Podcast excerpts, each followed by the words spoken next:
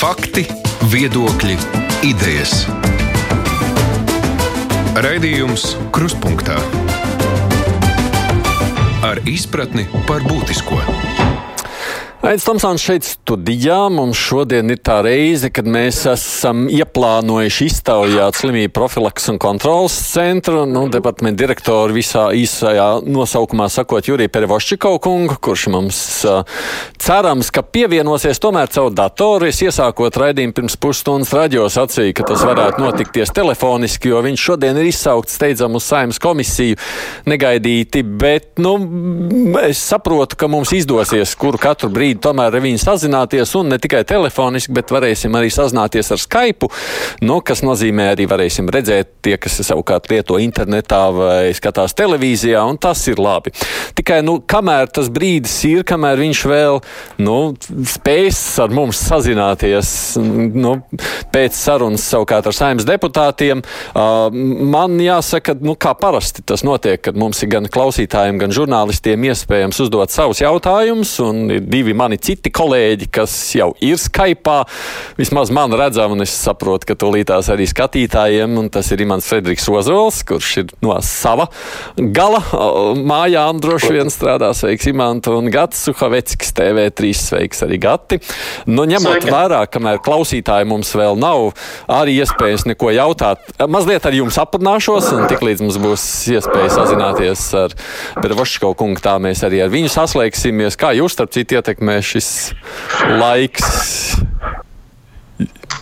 Gati. Daudz darba.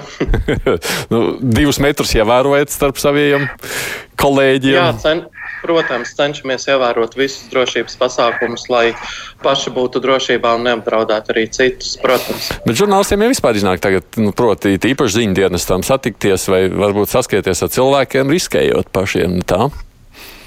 Mēs arī cenšamies pēc iespējas vairāk rakstīt aptālināti intervijas, lai arī tomēr minimizētu kontakts un ievērotu prasību distancēties. Mm -hmm. Un Iman, tev? Man laikam ietekmē diametrāli pretēji. Man tieši nav darba. kā, eh, nu, kaut kādas atsevišķas lietas es vēl eh, rakstu Latvijas avīzē, bet nu, es esmu iestrēdzis, iestrēdzis Latvijā uz čemodāniem un tā izskatās uz arvien ilgāku laiku. Tad, tad protams, būs jāmeklē citi, citi radoši risinājumi. Tad tev dīkstāvs pabalsts jāmeklē tagad. Nu, tas, tas, tas arī man nedraud.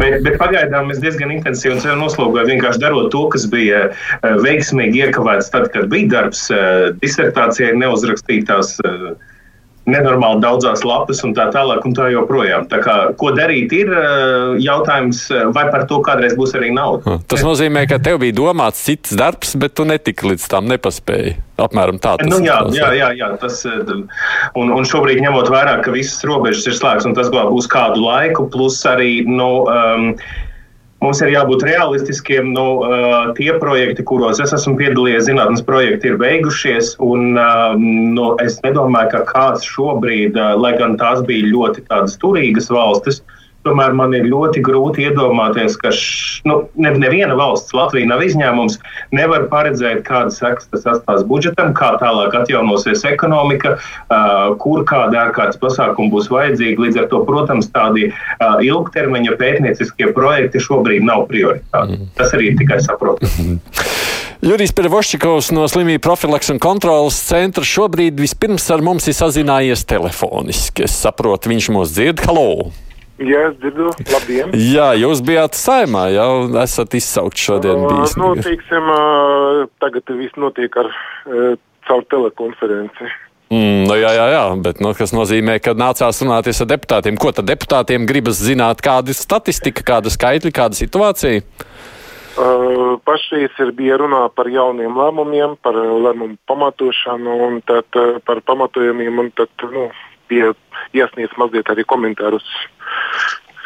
Mm -hmm. Ja runājam starp citu par lēmumiem, nu, tas jau droši vien ir tas, ko visvairāk vienmēr cilvēki aprunājuši pēdējā nu, mēnešu laikā, cik tie bijuši pamatoti, vai nav bijuši pārāk maigi, vai vajadzēja varbūt kaut kā citādi. Ko jūs sakāt par visiem šiem?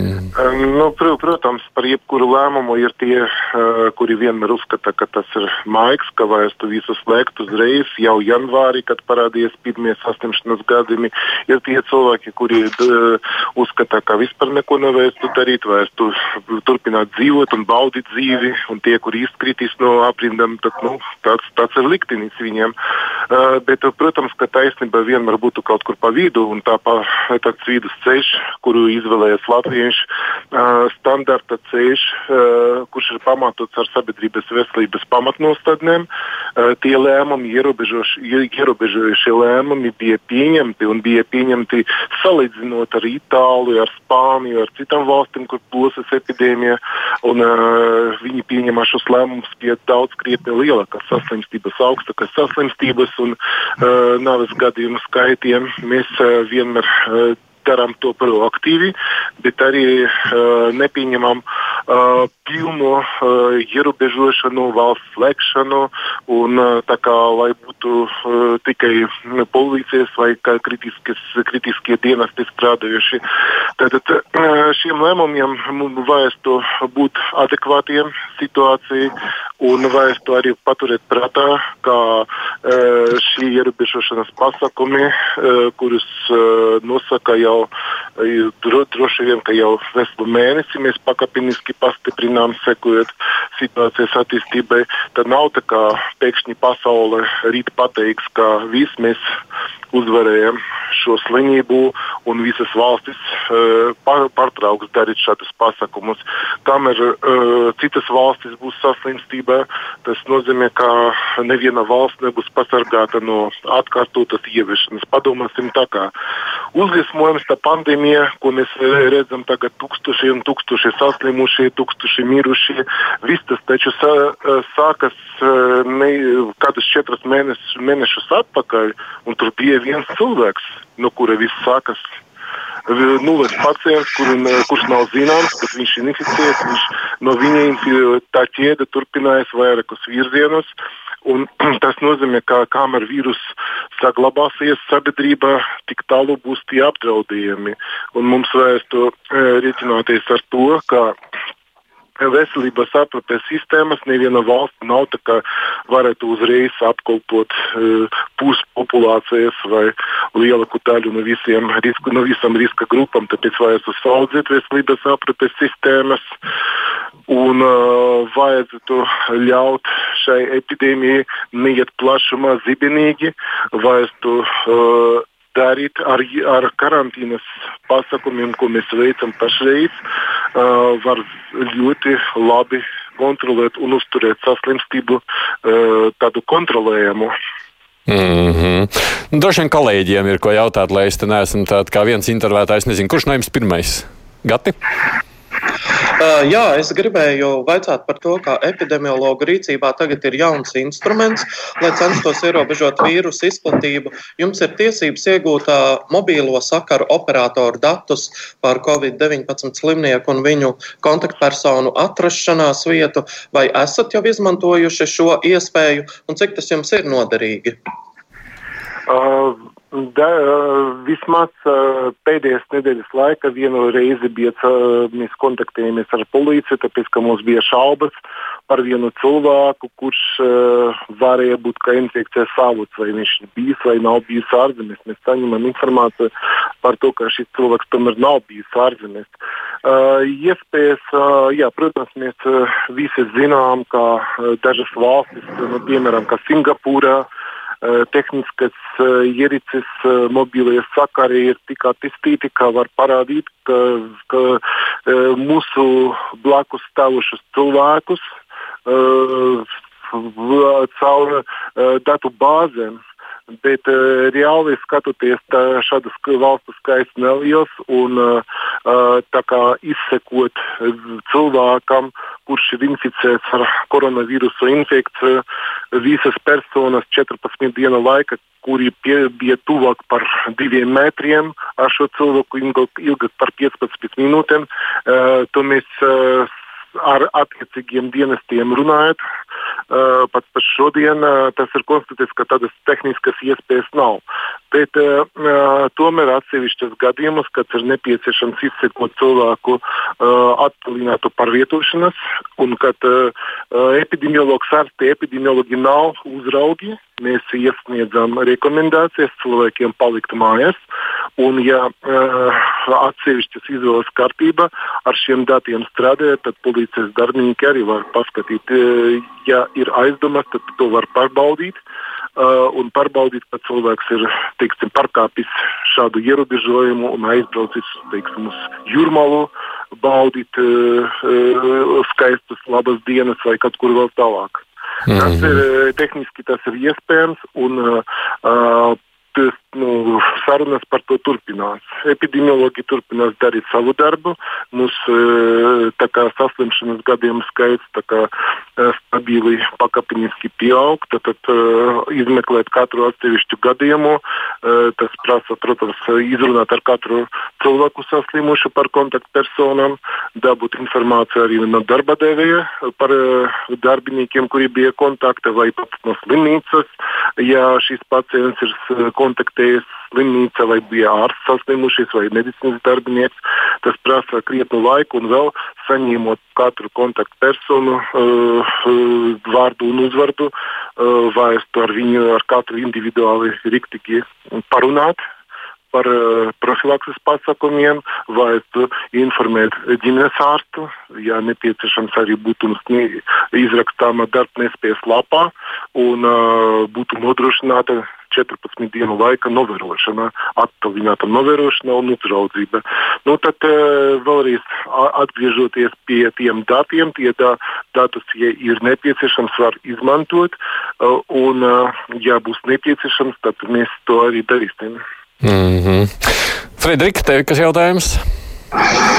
Perevošķikov kungs, nu vispirms laikam liels paldies par to, ko jūs darāt, jo mēs patiešām laikam izskatāmies salīdzinoši labi, es domāju, kā valsts ar šī brīža rādītājiem. No otras puses, man ir jautājums tieši par tiem, jo pilnīgi visām saslimšanām, kā likums, nu tādām katrā ziņā plašām, reģistrētie gadījumi neatspoguļo visus slimības gadījumus. Uh, ir slimības, kurām ir arī šie koeficienti zināmi. Piemēram, HIV aids gadījumā ir kaut kāda nu, aptuvenā tā, uh, aptuvenais koeficients, ar kuru mēs reizinām reģistrētos gadījumus, lai uzzinātu mm, reālos. Kā jums šķiet, ņemot vērā arī tos pāris gadījumus, kas izgāja ārpus šī epidemioloģiskā režģa, uh, tas patvērsme, saldas, tā Salaspils vidusskola, Murjāņi, Kā jums šķiet, cik daudz, uh, cik daudz atšķirās reģistrētie gadījumi no reālās uh, slimības izplatības uh, Latvijā un, un, un vai tas tiek kaut kā vērtēts un, un ko šiem skaitļiem dara un kāpēc šos skaitļus varbūt ir vai nav vērts zināt mums? Mhm. Paldies par jautājumu. Viņš ir tik daudzpusīgs, jo uz šo lietu jāskatās no vairākām pusēm. Pirmkārt, mums vajadzētu saprast, ka koronavīrusa infekcija lielākoties norit kā viegla infekcija. Gadījums, kur, ar kuriem mēs tagad nodarbojamies, šīs uzliesmojums patversmē. Ziļa, zilas krusts patversmē, izmeklējot pēc kontakta ar saslimušiem uh, 31 eh, cilvēku, gan darbiniekus, gan patversmes iemetniekus, konstatēts, ka 25 bija pozitīva, te, pozitīvs tests rezultāts. 25 no 31. Tikai vienam bija temperatūra, citiem nav simptomu.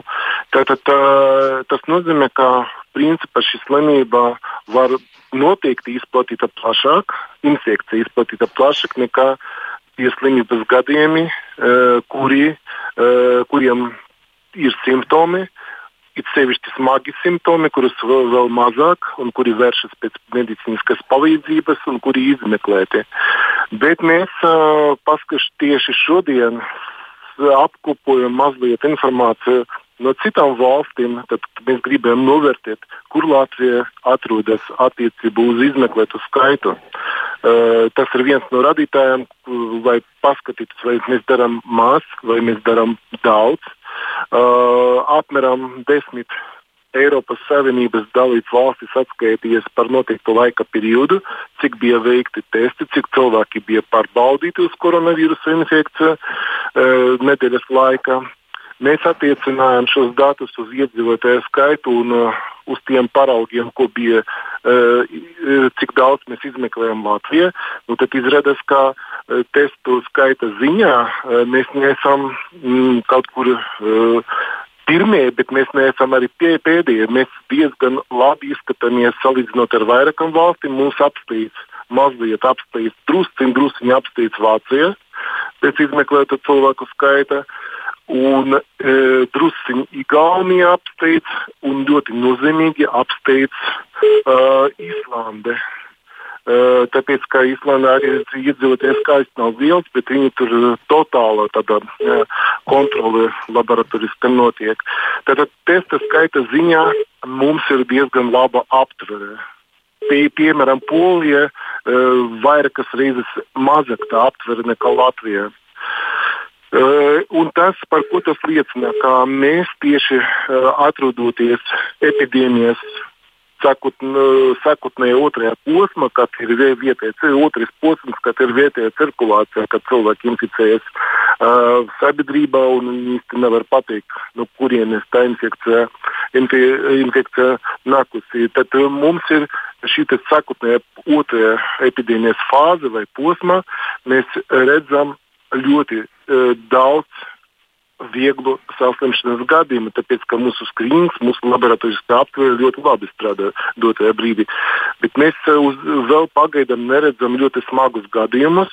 Uh, trīs uh, slimnīcā cilvēki, kuru veselības stāvoklis raksturots par smagu. Un, nav tā kā slimnīcas būtu pārpildītas ar uh, smagiem vai relatīvi smagiem gadījumiem, uh, kuriem apstiprināta koronavīrusa infekcija. Arī jau krietnu laiku veicot ļoti smagu gadījumu izmeklēšanu uh, tiem cilvēkiem, kuriem ir nepieciešama intensīva terapija. Starp tiem cilvēkiem arī šādi gadījumi joprojām nebija konstatēti. Tad, tas liecina, ka uh, tomēr slimības izplatība mums ir mērena, dotajā brīdī ir vietējā transmisija, bet uh, salīdzinot ar, ar vairākumu Eiropas Savienības valstu skaitu, mums ir krietni labāk. Bet vai es pareizi saprotu, tas iemesls, kāpēc mums nav tik smagu gadījumu, tāpēc, ka mums tā koncentrācija nav tik liela tā? Uh, iespējams, tas arī ir viens no faktoriem, bet uh, otrs galvenais, manuprāt, faktors, ka uh, Pie mums epidēmija vēl tikai, kā jau teicu, sakotnē fāze. Jā, bet mēs arī jau, ne, liekas, ka divas vai trīs nedēļas ievērojam diezgan stingras karantīnas pasākumus. Cilvēku skaits uz lielām mm, ir mazs. Es pats redzu, ka trolejbus brauc pustukši, izņemot atsevišķus gadījumus. Joprojām rīta stundas ir, ir atsevišķi, atsevišķi sabiedriskais transports, kurš ir pārpildīts, bet cilvēku koncentrācija un tā distancēšanās ļoti labi darbojas. Mēs paskatījāmies arī caur monitoringu, gripas monitorings turpinās. Gripa jau strauji tik, tik agri pavasarī gripa nekad nebija pabeigta. Mums ir tā faktiski līdz nulai uh, gripas gadījumi uh, samazinājies. Arī citas respiratoras slimības mums arī iet mazumā. Tas ir vienkārši sekundārs vai papildus labums no tā, ka cilvēki ir distancējies tagad jau krietnu laiku. Un, uh, tas varbūt arī palīdz mums pašreiz uh, turēties pie tiem skaitļiem, kuri mums ir, un uh, slimība neiet tik strauji plašumā. Uh, ko mēs līdzīgi kā mēs redzam Spānija, Francija vai vairākas citas valstis. Mm, bet, ja šajā kontekstā, ja drīkst Agnes jautājums mums no klausītājas ir šāds, lūdzu, lūdzu pajautājiet par pēdējās dienās vairākās Eiropas valstīs fiksētajiem gadījumiem no Covid mirušajiem pusauģiem. Tātad Lielbritānijā tur bija tādi citādi veseli, Beļģijā 12 gadus vesela meitene. Um, man tas šķiet ļoti satraucoši, tā raksta Agnes. Katra cilvēka organisms ir individuāls. Un, kad mēs nevaram pateikt, kā noreaģēs cilvēka katra konkrēta individa organisms uz šo inficēšanos ar koronavīrusu. Lielākoties statistiski bērni, jaunieši pārslimu viegli, var nepamanot, bet starp arī jauniešiem un bērniem varbūt kaut kādas ir ne, neatpazītas slimības, chroniskas, varbūt kaut kādi citi veselības stāvokļi, par kuriem varbūt pats pacients nezina, par kuriem vecāki nezina. Un, tāpēc tādi individuāli gadījumi varētu būt. Tas uh, notiek pie ikvienas slimības, ne tikai pie koronavīrusa infekcijas. Ikviena slimība, gripa un citas, uh, mēs zinām, ka tas ne, principā te nav nekas neparasts.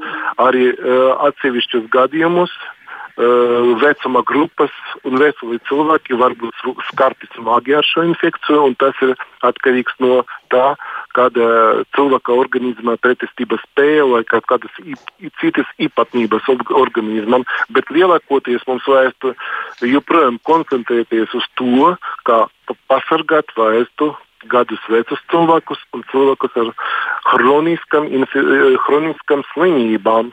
Tur tā ir lielāka mirstība un tur ir lielāka nelaime no šīs slimības. Mm, jo šajā sakarā droši vien domātais klausītājs bažās ir saklausāms tas, vai šis vīrus nekļūst par, nu, ne, vai, vai nu mutē, vai mainās tam līdzīgi, ka viņš sāk apdraudēt ar vien vairāk nu, tos, kurus līdz šim šķita viņš neapdraudēja.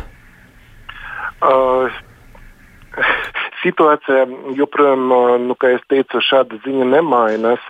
Uh, uh, tā statistika, kura nāca no valstīm, kur ir vislielākā mirstība un saslimstība, joprojām uzsver, ka slimo smagi, slimnīcas pārpildītas ar pacientiem, kuriem ir smaga, uh, kuriem ir nopietnas citas slimības, blakus slimības vai vecums. Tātad statistiski tie atsevišķi gadījumi citas vecuma grupas nav izšķiroši. Tam vajadzētu būt gataviem. Arī zīdaiņi daži saslimst, un tā un bija informācija par zīdaiņu nāves gadījumiem. Bet kopējā statistika liecina, ka tur tāda varbūtība, iespējamība diezgan niecīga. Labi, es atgādināšu savukārt tikmēr klausītājiem, ka mums šī ir iespēja izjautāt Juriju Perevoščikovu no Slimību kontrolas un profilakses centra. Man šeit ir klāt arī, uh, pareizi sakot, attālināt piedalās raidījumā divi mani kolēģi, kas ir uh, gan Imants Fredriks Ozols, gan arī Gats Sukaveckis no TV3 klausītājiem ir iespējas rakstīt un arī zvanīt. Es gan ar to zvanīšanu šobrīd tā kā aicinātu varbūt, nu, jā, mazliet skeptiski skatoties, cik daudz mēs varam pacelt šobrīd klausuli, tas attiecas uz radio tieši raidi. Savukārt, nu, tajās tehniskajā lietā mums tagad, kā jūs redzēsiet, ir bijusi iespēja pārslēgties no telefona sarunas uz uh, Skype sarunu. Tas nozīmē, proti, ka mums būs iespēja arī par Voškovu kungu redzēt. Tas attiecas noteikti uz tiem, kas mūs vēro uh, internetā tiešraidē un arī pēc tam uz televīzijas skatītājiem. Es domāju, tā ir tāda laba ziņa, vai mēs ieliekam signālu kādu, mēs ieliekam signālu un tad turpinām sarunu. Un tā tad es atgādinu, Jurijs Perevošķakovs mums ir šobrīd arī pieejams jau video variantā. Es tā ļoti, ļoti ceru un aicinu arī maniem uh, kolēģiem uzdot nākošo jautājumu. Kurš gati sāksim ar tevi? Ja drīkst, es gribēju nedaudz paturpināt, ko Frederiks iepriekš jautāja. Ir valstis, kurās tiek modelēts, cik daudz būs saslimušo, cik daudz būs, diemžēl, arī mirušo. Vai šādas prognozes ir arī jums par Latviju? Vai mūs dzird par Vašķiko kungs šobrīd? Skaņas šobrīd nav acīm redzot. Mēs vēl neesam droši, ka viņš mūs pašlaik dzird. Tā kā vai nu būs jāmēģina pāriet atpakaļ uz telefonu sarunu, vai arī kā citādi mēs nevaram pašlaik sazināties tīri skaņas ziņā. Labi, Gati, tev nāksies, acīm redzot, paciesties šobrīd ar savu jautājumu. nu, tiešraidi ir tiešraidi, kā redzi, mums pietiekoši daudz interesantu izaicinājumu arī šādā veidā žurnālistiem strādājot. Es pats esmu sacījis saviem kolēģiem, ka man patīk šādas te ārkārtas lietas, jo mēs tādā veidā iemācāmies arī, kā saka, jauns, nu, kā saka, veids, kādā strādāt, vai ne? Citādāk. To es saviem kolēģiem saku šajā brīdī.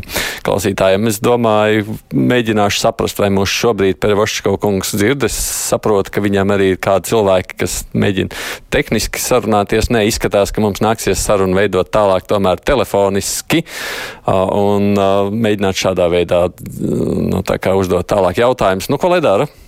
Tehniski mums pašlaik neizdodas nodibināt attālinotos sakarus ar, ar slimību profilaks un kontrolas centru. Tā, vai mūs dzird šobrīd telefoniski par Vaškaukungs? Nedzird pašlaik vēl mūs? Šķiet, ka šobrīd vēl nedzird.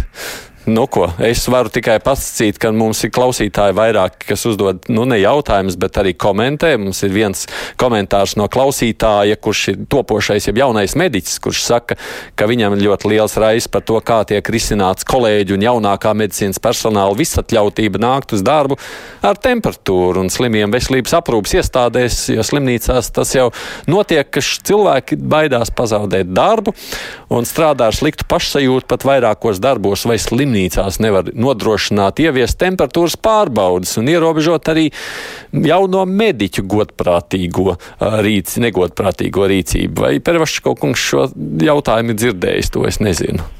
Man būtu lūgums vēlreiz atkārtot, atkārtot. pēdējos vārdus dzirdēt. Jā, es atkārtošu šo klausītāju jautājumu, kurš saka, ka viņš strādā slimnīcā kā jaunākais mediķis un redz, ka arī mediķi nāk ar, uz darbu ar temperatūru un nu, uzskata, ka viņiem ir jāpalīdz slimniekiem un ka citi mediķi baidās par saviem, kā viņš saka, negodprātīgiem kolēģiem. Nu, cilvēki ir cilvēki. Daži domā, ka varbūt viņi izdarīs labāko saviem pacientiem, ja strādās ar simptomiem, viņiem būs iesnas un klēpus. Varbūt viņi domā, ka šāda veida viņi tik un tā palīdzēs saviem kolēģiem, nenovērtēt risku. Uh, bet uh, šāda rīcībā ja tā dara medicīnas darbinieks, protams, ir tāda uh, maigi sakot, bezatbildīga. Uh, šie simptomi varbūt pašam liekas, nu kas tas strūns kaut kas, man ir drusciņ tā kā temperatūra 37 un 1 un tas nekas. Viņš domā, ka varbūt, ja sliktākajā gadījumā citiem būs kaut kas līdzīgs, nes, nesliktāk. Bet, ja ir runa par covid infekciju vai par kādu citu vīrusu, mēs jau runājam par to, ka katram cilvēkam izpaužas individuāli. Ja vienam nav nekādu simptomu, otrajam ir drusciņ tie simptomi, bet trešais var palikt uh, uz, uh, uz reanimācijas gultas ilgu laiku, un tas nebūtu pieņemams nekādā gadījumā. -hmm. Ja, ja mhm. saslimšanas, simptomi parādījies, darba vietā un ne tikai medicīnas darbiniekiem, nu tad vajadzētu pēc iespējas atstāt šo darba vietu, nekontaktēt ar, nekontaktēties ar kolēģiem un vajadzētu uh, vismaz lietot ķirurģisku masku, parastu masku vai auduma gabalu, lai nosektu elpceļus. Tad tāda veida vismaz diezgan ievērojami būs samazināta vides kontaminācija, gaisa mhm. kontaminācija, un tad pasargās uzreiz citus ievērojami pasargās. Es uzreiz saku, man vispār patīk šis risinājums. Redz, mēs jūs redzam, telefonu klausuli ir, vienmēr var atrast labus un jaunus inovatīvus veidus, kā sarunāties attālināti. Tagad ir tā, Gati, atgriežamies pie tava jautājuma, kuru par Vaščiko kungs nevarēja dzirdēt. Jā, man bija jautājums par to, ka ir valstis, kurās tiek nodalēts, cik daudz iedzīvotāju saslims, un, diemžēl, cik daudz būs potenciāli nāves gadījumu, vai līdzīgas prognozes ir arī par Latviju? Standarta prognozes noteikti ir, un standarta modelēšanā notiek visas valstis. Mēs arī varam pielietot, bet tā modelēšana ir diezgan atkarīga no vairākiem faktoriem, ko mēs tur gribam ielikt. Kā, tie jau bija pieminēts tāds faktors kā populācijas blīvums. Latvija nesalīdzināmi zemāks nekā citur, vai tie pasakumi bija savlaicīgi, jūs sakat, ierobežojušie pasakumi.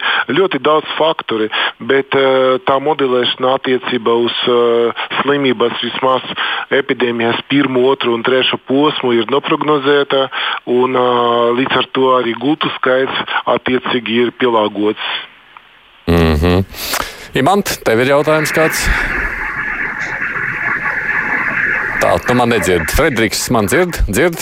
Jā, Jā. es aizies atvainojos, bet es brīžiem dzirdu, brīžiem nedzirdu. Un es, un es visu laiku šīs sarunas laikā domāju, ka tas ir tieši tas, kā notiek tālmācība šobrīd skolās un augstskolās.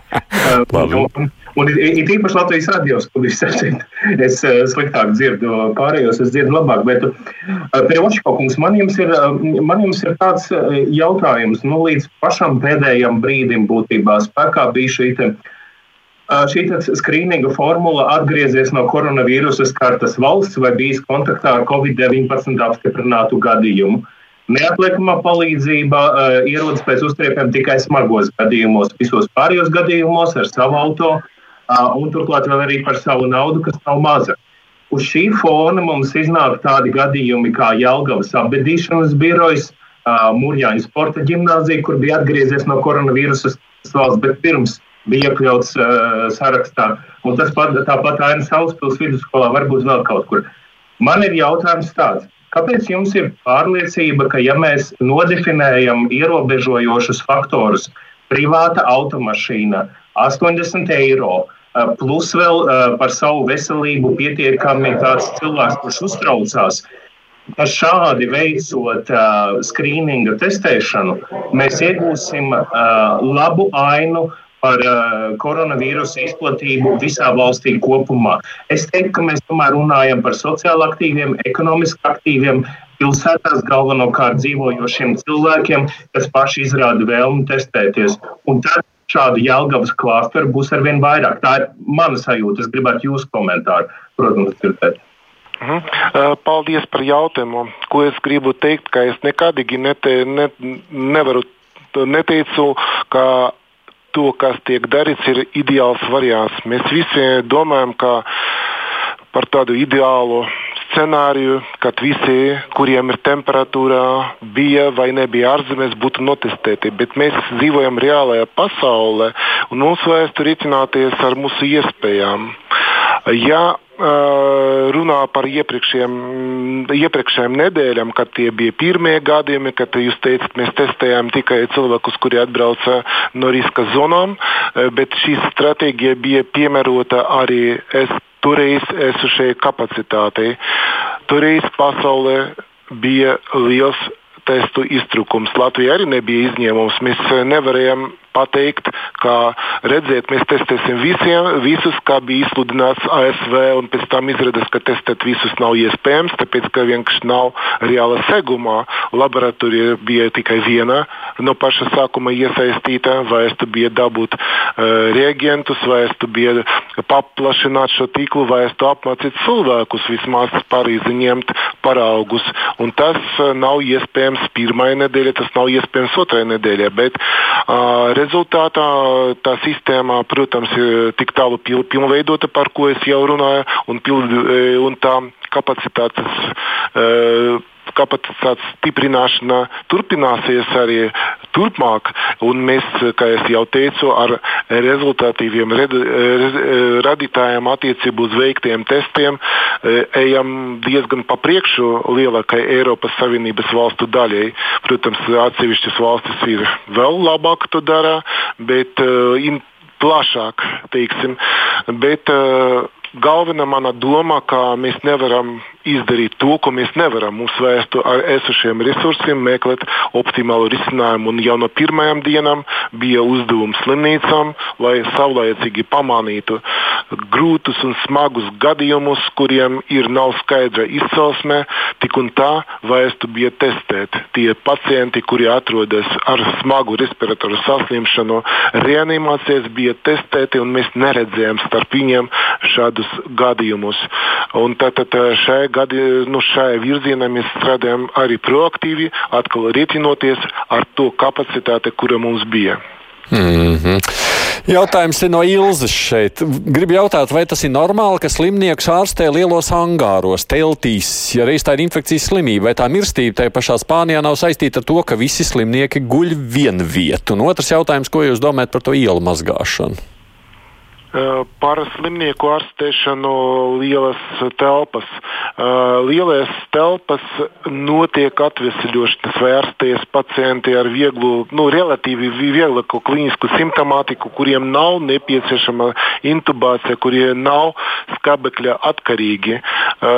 Intensīvas terapijas gūtas ir izšķirošas šajā gadījumā. Dažreiz mēs arī redzam televīzijā, kad parāda intensīvas terapijas gūtas, kuras nav tā kā lielas angāras varas. Tur pacients ar tādu smagu klinisku norisi, viņš aizņem šo gūtu divas nedēļas, trīs nedēļas un pat varbūt ilgāk. Tu, ko tas nozīmē, ka arī pacientiem, kuriem bez koronavīrusa infekcijas ir būtu nepieciešama intensīva terapija, nevar šos, šo uh, gūtu izmantot. Uh, bet, uh, Protams, e, e, ārsta uzraudzība ir nepieciešama vidē smagiem gadījumiem. Tie, tiem cilvēkiem, kuriem paliek pēc intensīvas terapijas, vēl nepieciešama tāda intensīva uzraudzība, e, sistēmas likšana priekš tiem atver lielus angārus.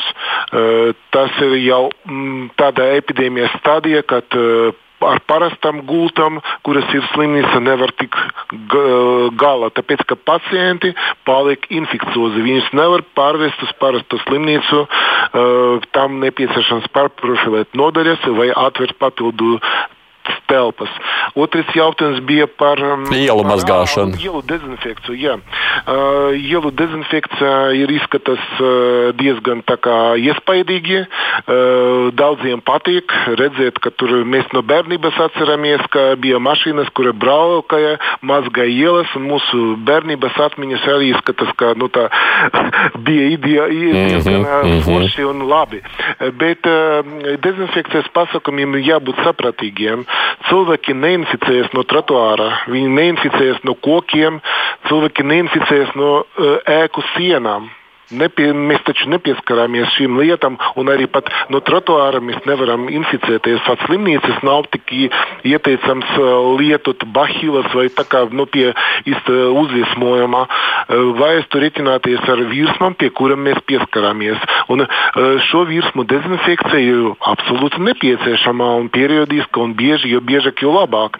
Un vēl labāk nepieskarties vienkārši šīm virsmām. Pat, un, ja ga, galu galā tas ir, tomēr mēs izdarām. Uh, teiksim, kaut kādi rokturi un vēl. Uh, necerēsim uz to, kā kāda mašīna bija atbraukuši ar līdzekļiem, vai kāds cilvēks tur visu jau nomazgāja, nodezinficēja. Tik un tā, uh, zelta likums ir tas, ka rokas mēs mazgājam, nepieskarāmies ar netīrām rokām sēji, nepaļausimies uz to, ka kāds par mums to jau izdarījis. Un tā virsma ir tīra. Pret, pret jebkuru virsmu, kuru mēs pieskarāmies ap sabiedriskās vietas, attieksimies tā, ka viņa potenciāli piesārņota ar koronavīrusu.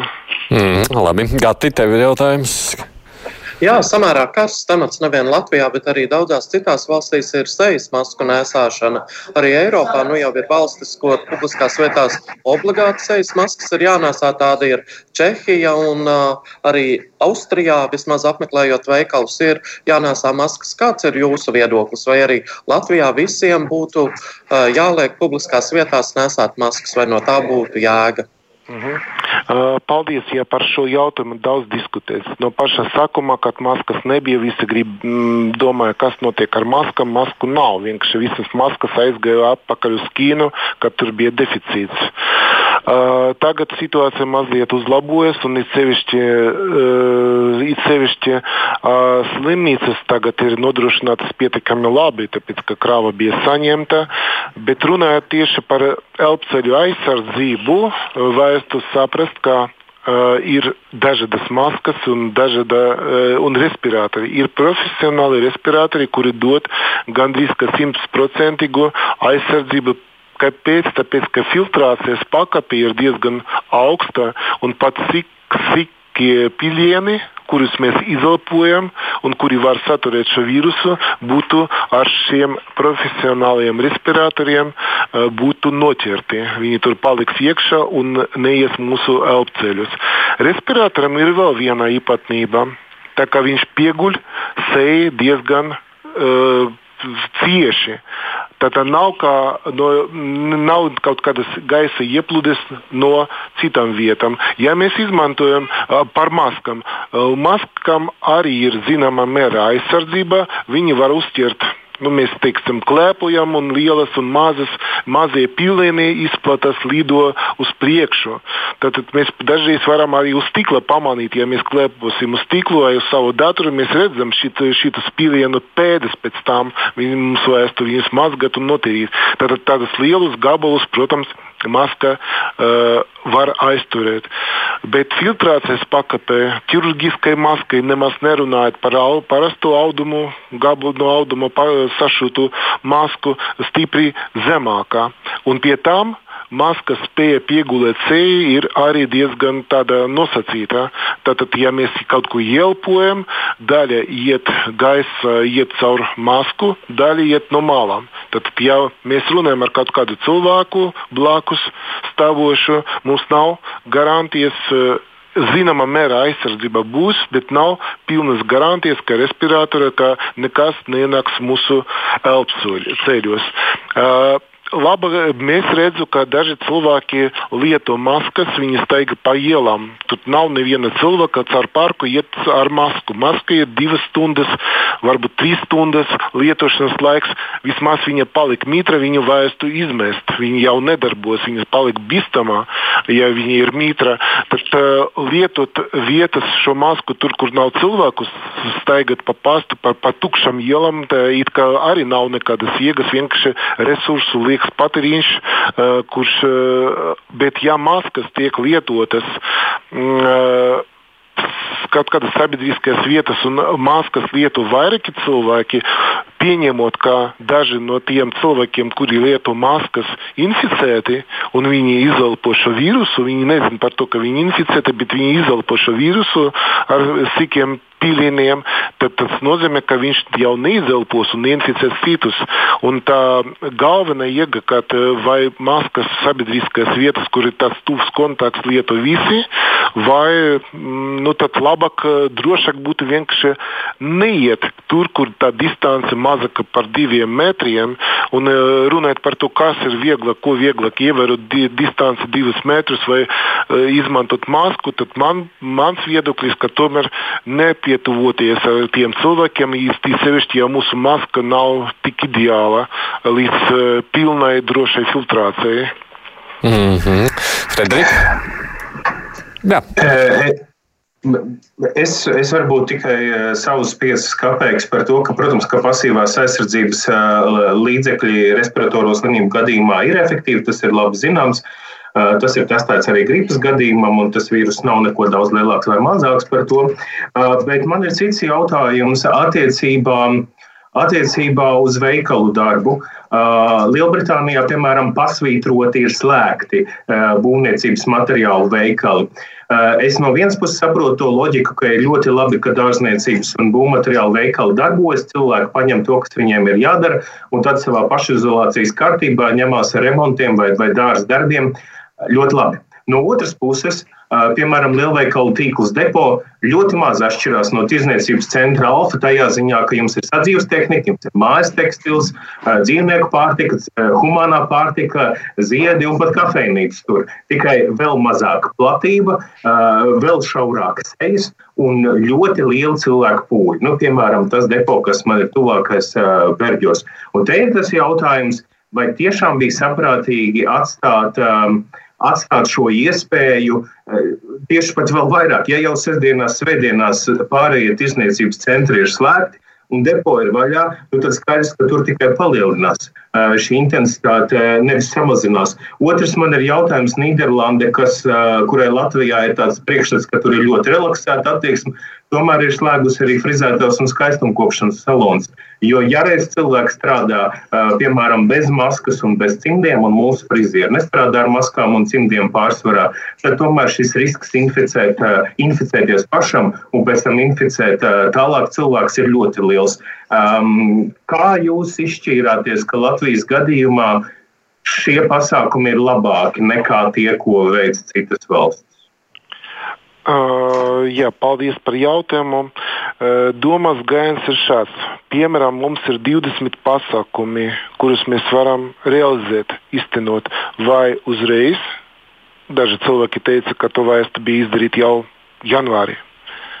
Vai mēs uh, varam šos pasākumus iztenot pakāpeniski, uh, ņemot vērā par to, ka katram ierobežojumam jābūt sapratīgam attiecībā uz tiem reāliem riskiem, kas pastāv Latvijā. Ja mēs salīdzināsim situāciju Latvijā ar situāciju Nīderlandes, tā ir mazliet, nu, ne, nevis mazliet, bet diezgan ievērojami atšķirīga. Varbūt arī cits piemērs, ja mums ir nezinu, teiksim, septiņas lodes mūsu pistolē un mēs redzam, ka nāk ienaidnieks, vai mēs jau tālu redzu šo ienaidnieku izšaustim septiņas lodes, vai tomēr mm, darīsim to, kad viņš būs jau tuvāk un mēs trāpīsim īsti šai ienaidnieka. Tas ir jautājums, vai mums ir pārtikas krājums uz sešiem mēnešiem, vai mēs apēdīsim uzreiz pirmajā mēnesī un pēc tam domāsim, ko darīt tālāk. Jo vai iztenosim šo vai e, lietosim šo pārtiku saprātīgi ar porcijām. Tātad pa citu valstu pieredze ir šāda un stratēģija ir šāda, ka tomēr šie pastiprinošie pasākumi būtu veicami pakāpeniski, un tur iegā nevis tāpēc, ka mēs gribam pilnībā visu ierobežot slimībā, nu, tā neturpinās izplatīties. Mēs vienkārši gribam mīkstināt slimības efektu nu, uz slimnīcām, uz ārstniecības sistēmu nedot uh, uzreiz lielu pacientu pieplūdumu. Un ar tiem pasākumiem, ko mēs darām pašreiz, mēs redzam, ka nav tik liels pacientu pieplūdums, smaga stāvokļa, ka slimnīcas nevar neko darīt. Nīderlande, Spānija, Va Francija, viņi to dara tāpēc, ka viņiem vajadzētu kaut, darīt kaut ko stiprāku uz dotu brīdi, lai atsvabinātu slimnīcas. Uh, un mums šie pasākumi, protams, paturēti prātā un viņi pie visam scenārijiem, pie turpmākās attiecības būtu apsveramas. Bet mans personīgs viedoklis, ka nevajadzētu uzreiz likt maksimālu un pēc tam domāt, ko tad tālāk darīsim, ja arī tā dzīve būtu paralizēta. Par uh, veikalu apmeklēšanu jābūt uh, pašiem tomēr.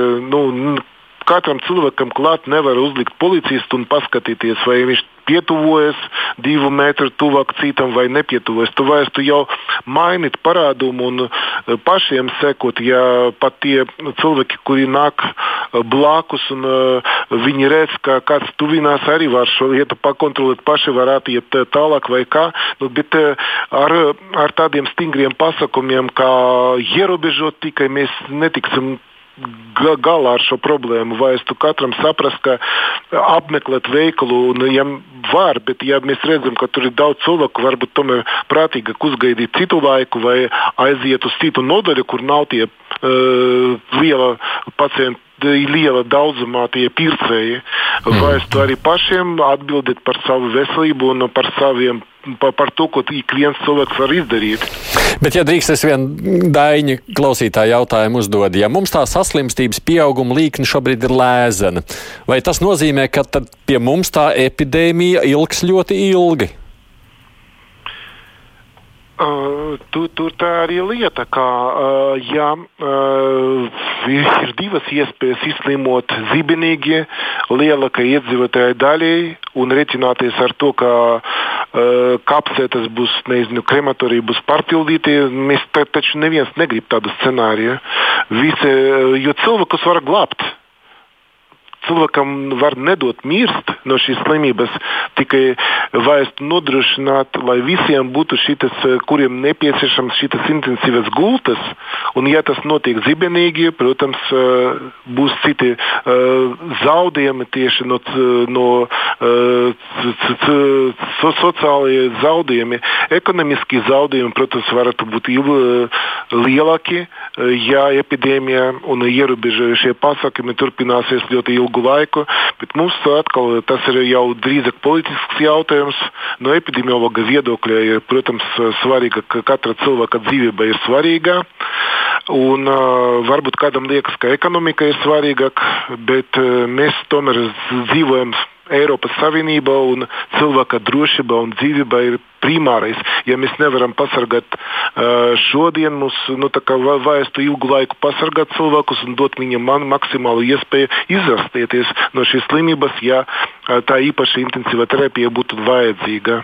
Mm -hmm. nu, Gati, tev vēl ir kāds jautājums? Jā, pavisam īsi atbildāms privātas dabas jautājums. Jūs publiski esat teicis, ka pārvietojaties sabiedriskajā transportā. Vai to joprojām darat, vai tomēr tādā gadījumā jūs nevajadzētu nodrošināt ar dienesta auto, lai mazinātu jebkādus riskus, jo šobrīd jūs esat ļoti nepieciešams, ka esat ierindā dienestā? Nu, es labprāt, ja man būtu kāds nodrošinājis šo transportu, bet lielākoties es redzu, ka tie transporta līdzekļi, ar kuriem es pārvietojos. Es vakar braucu ar 9 autobusu līdz centram. Tur bija trīs cilvēki. Es jūtos pietiekami droši, nekā sēdot vienā uh, automašīnā ar šoferi, kurš varbūt būs man tuvāk, jebkurā gadījumā. Un, uh, jā, atsevišķos gadījumos, ja es redzu, ka uh, transporta līdzekļi ir pietiekami daudz cilvēku, es tad uh, uzgaidīšu nākamo vai ar ka, bet uh, no ma, maniem pārvietojumiem kādi 90% notiek tā, ka tur distance ne tikai 2 metri ir no citiem, varbūt arī 4 metri. Mm. Nu, mums ir vēl divas minūtes, ko vēl kāds var no jums jautāt. Kurš, kurš jā, Frederika? Es gan saprotu, pateikšu, ka 9. autobus nav tas pilnākais. Pabrauciet ar 4. trolēbus. Bet labi, man ir jautājums no divām daļām. Caurmērā gripas epidēmijas laikā ASV cilvēki mirst no komplikācijām 30 dienas pēc inficēšanās sākuma. Vai jūs gaidat noteiktu brīdi, kad sāksies nāves gadījumi Latvijā? Un otrs, vai jūs piekrītat infektuoloģijai Vildei, ka epidēmija beigsies tikai tad, kad tiks atrasta vakcīna? Tātad par to, ka cilvēki nemirst pirmā nedēļa, tas ir skaidrs, otrā nedēļa arī, bet uh, nosauktu par komplikāciju. Jā, tas uh, ir komplikācija, bet tā ir komplikācija, kuru izraisa vīrus, pneimonija, kur pastiprinās un cilvēki mirst nevis no sekundāras pneimonijas, no tās pneimonijas, kuru izraisīja pats vīrus, un drīzāk ne tikai vīrus, bet arī cilvēka imūnsistēmas atbilde, kuras skar uh, savas šūnas un uh, savus audus, plaušu audus. Jā, bet uh, tas, uh, tie, tas sekas ir drusciņi attālinātas. Uh, bet mēs monitorējam to smagu pacientu skaitu, kas ir, es teicu, ka viņi pa, pašais ir tikai, nu vismaz no rīta bija trīs tie pacienti, kuriem bija nepieciešama pastiprināta uzraudzība un varbūt arī skabļu padēvē. Bet mēs neredzam pagaidām šādu masveida saslimšanu. Un otrs jautājums jums bija par. par uh, vai, vai beigsies tas tikai tad, kad atradīs vakcīnu? Uh, vakcīna ir. Es domāju, ka pasākumus var atcelt vai ievērojami samazināt, tad, kad uh, riska grupas pacienti būtu garantēti vismaz ar ārstēšanu ar adekvātu zāles vai būt eh, tas pirmais, kas varētu būt atrasts. Un, ja mēs zinām, ka viegla saslimšana neprasa ārstēšanu, smagai, smagiem gadījumiem, ka pie gripas var dot ārstēšanu, specifisku terapiju, tas jau ir būtu milzīgs ieguvums. Tas zāles visticamāk varētu būt ātrāk nekā vakcīna. Tātad mēs gaidām vai nu zāles vai vakcīnu, bet es jums saku paldies, mūsu stunda ir paskrējusi. Paldies jums tiešām par iespēju šādā veidā attālināt un tomēr sazināties. Jurijs Piervoščikovs no slimību kontrolas un profilaks profilaks un kontrolas centra, un mani kolēģi, mans Frederiks Ozols un Gats Sukaveckis. Paldies jums tiešām! Es tikai pabeidzot saku, rīt mēs atkal tiekamies šeit kā parasti attālināt, runāsim par to sarežģīto situāciju, kāda ir izveidojusies Latvijas medijos, jo nu, žurnālistu asociācija piekdien izplatīja paziņojumu par to, ka mēnešu laikā daudz mediju varētu pārtraukt vispār darbu, ja nebūs valsts atbalsta, kādi ir tie risinājumi par to, tad arī rīt runāsim. Producenti mums raidījumā Mevi Junām, un studijā šodien biju arī es, Aidis Tomsons.